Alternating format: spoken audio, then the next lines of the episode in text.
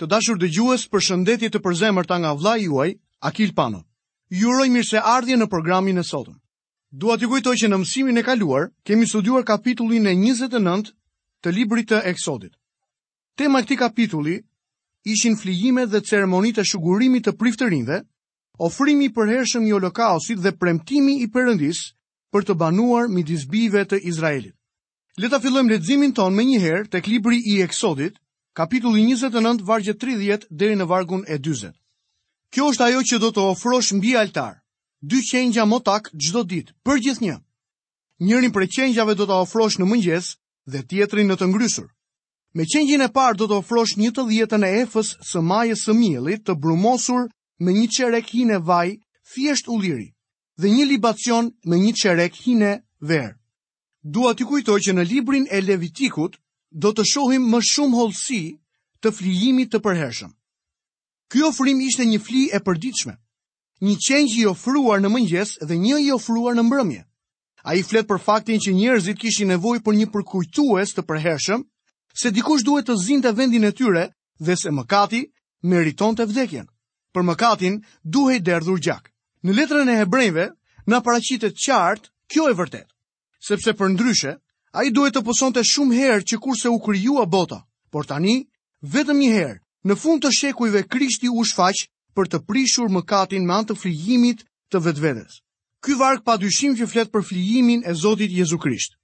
Gjaku i demave, cjepve dhe qengjave nuk mund ta largonte mëkatin, por gjaku i Jezu Krishtit po. Flijimi i tij ishte i mjaftueshëm. Zoti është marrë një herë e mirë me mëkatin. Ai vdiq vetëm një herë. Një herë në fund të shekujve, ai u shfaq për të larguar mëkatin me anë të flijimit të vetvetes.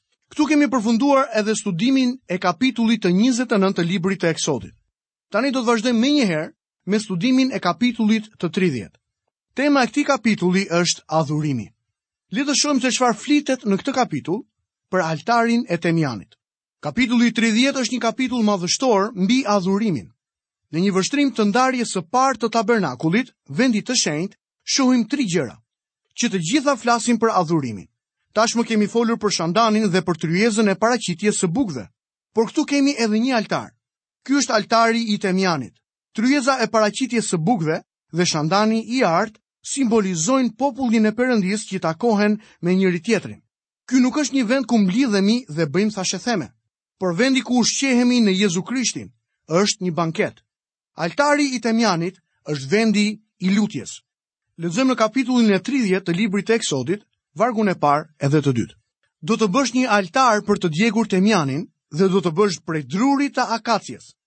Do të jetë një kubit i gjerë dhe një kubit i gjatë. Do të jetë katror dhe do të ketë në lartësi prej dy kubitësh. Brirët e tij do të përbëjnë një pjesë të vetme. Siç edhe e shohim nga udhëzimet e dhëna, ky ishte një altar i vogël. Shohim më poshtë vargun e 3 dhe të 4. Do ta veshësh me ar safi, pjesën e tij të sipërme, anët e tij rreth e qark dhe brirët e tij. Do t'i bësh edhe një kurorë ari. Do t'i bësh edhe dy unaza ari nën kurorë. Në të dy krahët e tij do t'i vësh në të dy krahët e tij për të kaluar shtizat, të cilat shërbejnë për ta mbajtur. Edhe ky altar me përmasa jo shumë të mëdha kishte unaza. ku do të futeshin shtizat me qëllim transportimin e tij mbi supet e priftërinjve. Tek libri i numrave na tregohet se gjatë marshimit nëpër shkretëtirë, levitët mbanin mbi supe këto orendi. Lexojmë vargun e 6. Do ta vendosësh altarin përpara velit, që ndodhet përpara arkës së dëshmisë, përballë pajtuesit që ndodhet mbi dëshminë ku unë do të të takoj. Ky altar ishte i vendosur pranë velit dhe arka e mëshirës ishte në anën tjetër të tij. Altari ndodhej në vendin e shenjtë, vendin e adhurimit. Shohim më poshtë nga vargjet 7 deri në vargun e 9. Mbi të, Aroni do të djegë temjan të parfumuar, do ta djegë çdo mëngjes kur rregullon llampat. Kur Aroni ndez llampat në të ngrysur, do të djegë temjanin, një temjan i vazhdueshëm përpara Zotit, për brezat e ardhshëm. Ky nuk ishte altari i flijimeve. Nuk do të ofroni mbi të as temjan të huaj, as holokaust, as blatim, dhe mbi të nuk do të derdhni libacione. Mbi këtë altar duhet të vendosej vetëm një lloj temjani. Priftërinjtë do të hynin aty dhe do të digjnin temjan sa herë që do të ndiznin llambat e shandanit. Ky altar na flet për lutjen dhe ne e dimë mirë që është kështu sepse Bibla në shumë raste e përdor temjanin si një simbol të lutjes dhe lavdërimit. Davidi për shembull tek Psalmi 141 dhe vargu i dytë thotë: Le të arrijë para teje lutja ime si temjani. Libri i zbulesës na jep këtë tablo të temjanit. Pastaj erdhi një engjëll tjetër që kishte një temjanicë ari dhe ndaloi pranë altarit. dhe iu dha shumë erë e këndshme që t'ua shtonte lutjeve të të gjithë shenjtorëve mbi altarin prej ari që ishte përpara fronit. Tek Luka kapitulli i parë dhe vargu i nëntë na thuhet: Sipas zakonit të shërbesës priftërore, i ra shorti të hyjë në tempullin e Zotit për të djegur temjan. Zakaria ishte pjesëtar i fisit të Levit dhe shërbente në tempull. Ai ishte duke shërbyer në altarin e temjanit dhe në këtë varg pikërisht në orën e lutjes. Doktor Luka e hap Dhiatën e re në mënyrën kronologjike me Zakarian tek altari i Temjanit. Me fjalë të tjera, Perëndia i dha fund heshtjes së tij prej 400 vitesh tek altari i Temjanit, duke i dhënë një mesazh Zakarias. Temjani pra është një figurë e Jezu Krishtit, ndërmjetësuesit tonë. Aroni shërbeu në vendin e adhurimit dhe njihet si simboli i Krishtit në këtë kuptim të veçantë. Megjithëse Krishti është një prift sipas rendit të Melkizedekut, tek Hebrenjve kapitulli 9 gjejmë diçka të çuditshme. Altari i Temjanit është vendosur në vendin më të shenjtë. Duket sikur shkruesi i Hebrenjve nuk e ka ditur ku e ka patur vendin. Pse e ka vendosur në vendin më të shenjtë dhe jo thjesht në vendin e shenjtë, sikurse është tek Eksodi? Sepse kur e ka shkruar letrën, veli ishte ndarë më dysh. Krishti kishte ofruar veten e tij aty. Mishi i tij ishte thyer dhe ai kishte vdekur në kryq. Ai u ngjit përsëri në qiell dhe altari i Temjanit është në qiell tani. Ne vijmë tek Perëndia nëpërmjet Krishtit. Ai është ndërmjetësi ynë i madh. Kur vijmë tek Perëndia në lutje, kemi ardhur aty nëpërmjet Zotit tonë Jezu Krisht. Kam dëgjuar shumë njerëz të thonë, tani jam i shpëtuar dhe mund të shkoj drejtpërsëdrejti tek Perëndia. Jo i dashur, nuk mundesh. Tek Perëndia mund të shkosh vetëm nëpërmjet Krishtit. Ai na çon në praninë e Perëndisë. Krishti është në qiell duke u lutur për ne. Sa e mrekullueshme ishte për bijtë e Izraelit kur kryeprifti i tyre ishte në tabernakull në altarin e Temjanit, duke u lutur për ta. E njëjta gjë ndodh me ne sot. Ne të gjithëve na mrekullon fakti që Jezu Krishti kryeprifti ynë lutet vazhdimisht për ne. Krishti nuk lutet për botën. A e dinit këtë? Në lutjen e tij prej kryeprifti, ai thotë: Unë lutem për ta, nuk lutem për botën. por për ata që ti m'i ke dhënë, sepse ata janë të tutë. Gjoni 17 dhe vargu i 9. Ti mund të thuash, pse nuk lutet Jezusi për botën? Jezu Krishti vdiq për botën. Fryma e shenjtë është këtu në tokë për ta bërë ofertën e Krishtit për ata që do ta pranojnë. Krishti nuk mund të bënte më shumë për mëkatet e botës sesa të jepte jetën e tij. Sot Jezusi është në qiell duke u lutur për ata që e kanë pranuar si shpëtimtar. Jam shumë i gëzuar që ai e bën këtë, sepse po të mos e bënte, shumë gjëra në këtë botë nuk do të ishin përmbushur. Sa e çmuar është të kesh një kryeprift madhështor që lutet për ne. Perëndia dëgjon lutjet tona për shkak të asaj që Krishti është dhe për shkak të asaj çfarë ai ka bërë për ne në kryq. Tek letra drejtuar Efesianëve, kapitulli i parë dhe vargu i 6, apostulli Pal na thotë: Për lëvdim të lavdisë së hirit të tij, me të cilin na bëri të pëlqyer në të dashurin birin e tij. Për arsye të Jezu Krishtit, Perëndia Atë na pranon në të, të dashurin e zemrës së tij. Tek Ungjilli i Mateut kapitulli 17 dhe vargu i 5, Luka kapitulli 9 dhe vargu 35 dhe Marku kapitulli 9 dhe vargu i 7, Perëndia Atë na thotë, Ky është biri im i dashur, dëgjojeni. Jo vetëm që ne duhet ta dëgjojmë, por edhe duhet të lutemi me anë të tij. Jezu Krishti vetë na tha tek Ungjilli sipas Gjonit, kapitulli 14 dhe vargu i 14, se nëse do të kërkoni diçka në emrin tim, unë do ta bëj. Ja çfarë do të thotë të lutesh në frymë. Ndërsa studiojmë altarin, do të vëmë re se ai është i ndarë nga orenditë e tjera. Priftërinjtë ishin të vetmit që mund të adhuronin atje. Madje edhe mbreti Uzia u godit me lebrozë, kur u përpoq të hynte atje. Sot çdo besimtar në Krishtin është një prift. Shumë gjëra të pavlera sentimentale qarkullojnë sot se një person mund të bëjë një jetë mëkatare si t'ia ketë ënda, të mohojë Krishtin dhe pastaj kur gjendet në telash, ndoshta kur e ëma është në spital, ky mjeran mund të ulet në gjunjë para Perëndisë dhe të kërkojë që Perëndia t'i përgjigjet. Televizioni na ka paraqitur të tilla skena. Disa predikues sentimentalë na tregojnë për to, por Perëndia thotë se nuk ka për t'iu përgjigjur këtyre lutjeve. Le të tregohemi të kujdesshëm me këtë gjë miqtë e mi. Altari i temjanit është vendi ku mund të shkojnë priftërinjtë. Lutja e vetme që mund të bëjë një mëkatar është: Perëndi ki mëshirë për mua, mëkatarin. Perëndia do ta dëgjojë dhe do t'i përgjigjet kësaj lutjeje kur i ofrohet atij. Vargu i 8 na tregon se duhet të ketë një temjan të vazhdueshëm përpara Zotit për brezat në vazhdim. Për Perëndinë duhet të ketë lavdërime në vazhdimësi. Tek letra drejtuar Thesalonikasve na thuhet, Lutuni pa pushim. Temjani duhet të ishte mbi altar në mëngjes dhe në mbrëmje. Kur kryeprifti hynte brenda dhe ofronte temjan mbi altar, ai kalonte ca kohë në tabernakull. Temjani qëndronte mbi mantelin e kryepriftit dhe kur dilte jashtë, Njerëzit mund të ndjenin aromën e temjanit që ishte mbi rrobën e tij. Ju mund të thoni se ai kishte veshur rroba që kishin aromën e duhur. Kur kryeprifti kalonte andej, njerëzit mund ta dallonin aromën. Ata thonin, "A nuk është aromë e mirë?" Problemi me shumë shenjtorë në ditët e sotme është se nuk hedhin parfumin e duhur mbi rrobën e tyre. Lutja është parfumi i duhur. Lërini lutjet tuaja të ngjiten para Zotit Para fronit të tij si një temjan erëmirë. Vetëm në këtë mënyrë, ndërsa qëndron në lutje, manteli yt do të marrë aromën e tij. Le të shohim çfarë fjala e Zotit flet për të shpenguarit të cilët mund të adhurojnë. Lexojmë tek libri i Eksodit kapitulli 30, vargjet 12 dhe 13. Kur të bësh llogarinë e bijve të Izraelit për regjistrimin e tyre, secili do t'i japë Zotit shpengimin e jetës së tij.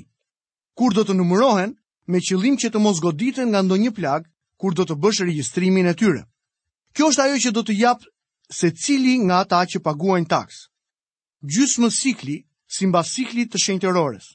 Sikli është baraz me 20 gere. Një gjysmë sikli do të jetë oferta që duhet t'i bëhet Zotit. Kjo është kërkesa e dytë për adhurimin. Nuk do të ketë plagë mbi ta sepse do të shpengohen. do të shpengoheshin me argjend. Argjendi është metali i shpengimit dhe një simbol i shpengimit. Cilido që adhuronte duhej të shpengohej. Dëgjojmë shumë sot për adhurimin publik. Në të vërtetë, një gjë e tillë nuk ekziston fare. Vetëm të shpenguarit mund ta adhurojnë, por rruga është e hapur për këdo që dëshiron të shpengohet. Jo vetëm që duhet të jenë të shpenguar, por adhuruesit duhet të jenë edhe të pastruar. Kjo na çon tek legeni. Legeni ndodhet në oborrin e jashtëm dhe prej bronzi, njësoj si altari i bronztë. Legeni prej bronzi është vendi ku Perëndia merret me mëkatin tonë. Edhe shenjtorët mëkatojnë ndonjëherë. Ideja që shenjtorët janë qiellorë nuk është aspak e vërtetë. Lexojmë vargjet shtatëmbëdhjetë deri në vargun e njëzet. Zoti i foli akoma Moisiut duke i thënë, do të bësh edhe një legen prej bronzi me bazën e tij prej bronzi për t'u larë. Do ta vendosësh midis çadrës së mbledhjes dhe altarit dhe do të vësh edhe ujë. Edhe aty Aaroni dhe bijtë e tij do të lajnë duart edhe këmbët. Kur do të hyjnë në çadrën e mbledhjes do të lahen me ujë që të mos vdesin, kështu edhe kur t'i afrohen altarit për të shërbyer, për të tymosur një ofertë të bërë Zotit me anë të zjarrit. Prifti nuk mund të hynte në tabernakull për të shërbyer nëse nuk lahej më parë. Kur ishte jashtë, prifti infektohej. Kur shkoni në kishë dhe ndodh që nuk e shijoni shërbesën, ndoshta nuk ndodh për shkak të predikuesit. Ndoshta ti je shenjtor i papastër. Kjo është arsyeja që shërbesa nuk të duket interesante. Ne ndotemi në këtë botë dhe nuk do të mund të adhurojmë derisa të pastrohemi. Kjo është arsyeja që Zoti ua lau këmbët dishepujve të tij. Ai vazhdon ta bëjë këtë gjë edhe sot e kësaj dite. Miqtë e mi, ne duhet të shkojmë tek legeni. Kjo ishte gjëja e parë që bënin priftërinjtë. Nëse duhej të shkonin tek altari i bronztë, ata laheshin së pari përpara se të hynin edhe pas daljes. Nëse do të hynin në vendin e shenjtë, do të laheshin para se të hynin dhe kur të dilnin. Jam i mendimit se çështja e të larit është shumë e rëndësishme. Është kaq e rëndësishme sa që unë përfytyroj një prift që i thotë një tjetri teksa lahen tek legeni. Sa herë ke qenë këtu sot? Tjetri mund t'i përgjigjet. Nja 10 a 12 herë. I pari ia kthen. Unë kam qenë më shumë se aq. Shikoji duart e mia si janë bërë nga të larët. Nuk e di pse Perëndia na kërkon t'i lajmë duart kaq shpesh. Aroni që mund të ketë qenë aty pas tyre, mund të kishte thënë: Zoti do që ju të laheni, të laheni e të laheni, që ta dini se duhet të shenjtëroheni. Nuk mund të adhuroni, t'i shërbeni ose të jeni të dobishëm për Perëndinë në qoftë se nuk jeni të pastruar më parë. Por më duhet të theksoj se ideja se një shenjtor i ndotur nuk mund t'i shërbejë Perëndisë nuk është e vërtetë. Herë pas here dëgjojmë për një burrë që lidhet me një grua në një marrëdhënie të papërshtatshme dhe njerëzit që flasin. Nuk e kuptojmë se si mund t'i ndodhin këto gjëra të tilla një njeriu të tillë që ka një shërbesë kaq të madhe për Perëndinë. Ky njeri nuk mund të ketë qenë një predikues ose shërbëtor i mirë, por po të shikoni veprën e tij, do të gjeni se është bërë me dru, sanë dhe kashtë. Ajo çfarë apostulli Pal na tregon tek letra e parë drejtuar Korintasve kapitulli 3, vargu 12 deri në vargun e 15. Në qoftë se dikush ndërton mbi këtë themel, ar, argjend, gurë të çmuar, dru, sanë, kashtë, vepra e secilit do të shfaqet, sepse dita do ta tregojë, sepse do të zbulohet me anë të zjarrit. dhe zjarri do të provojë veprën e secilit e ç'lloji është. Në qoftë se vepra që dikush ka ndërtuar mbi themelin qëndron, ai do të marrë një shpërblim.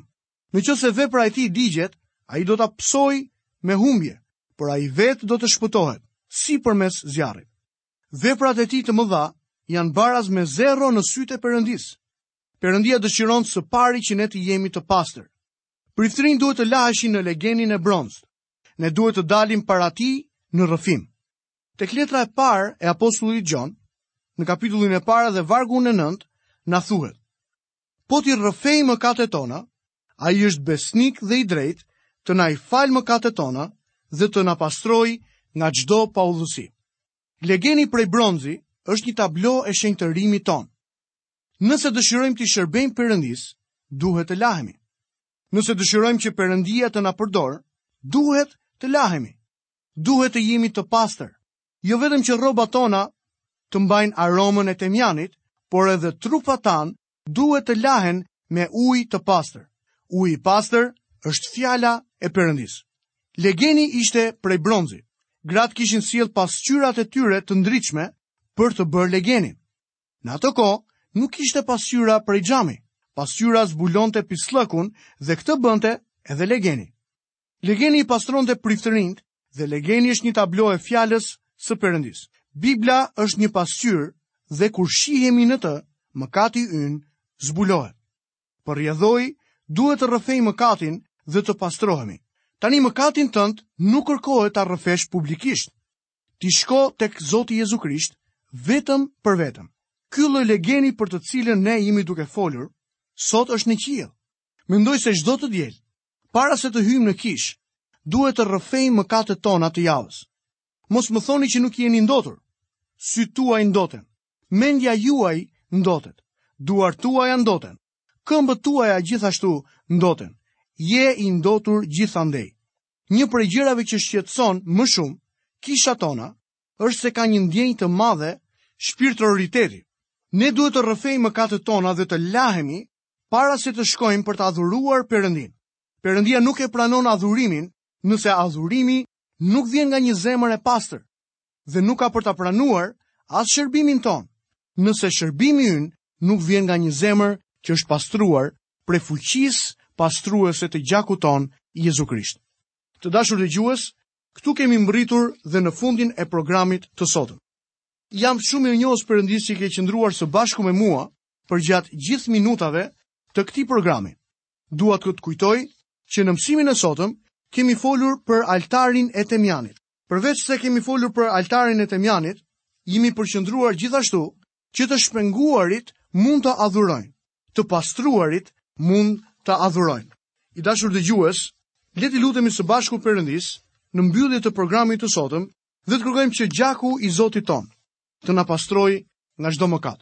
Perëndi Atë, Unë e di që në mbyllje të çdo dite jam i ngarkuar me mëkate të ndryshme. Është e vërtetë o Zot që sytë tanë shpesh na çojnë në lakmi. Në mendimet tona shpesh o Zot përdhosim emrin tënd duke menduar gjëra që nuk janë të drejta, që nuk janë të shenjta dhe që nuk janë me famë të mirë. Shpesh me gjuhën tonë, o Zot, me të njëjtën gjuhë që të adhurojmë dhe të lavdërojmë ty, rrëzohemi duke folur frikë, dyshime dhe një fjalor të korruptuar. O Zot, sot unë kërkoj që çdo njëri prej nesh të mund të dalë përpara teje dhe të mund ta bëjë këtë një zakon të përditshëm. Në mbyllje të çdo dite, të mund të dalim përpara teje për të kërkuar fuqinë pastruese të gjakut të Jezusit, të na pastrojë nga çdo mëkat. O Zot, je vetëm Ti ai që na ruan. Je vetëm Ti ai që na mbron.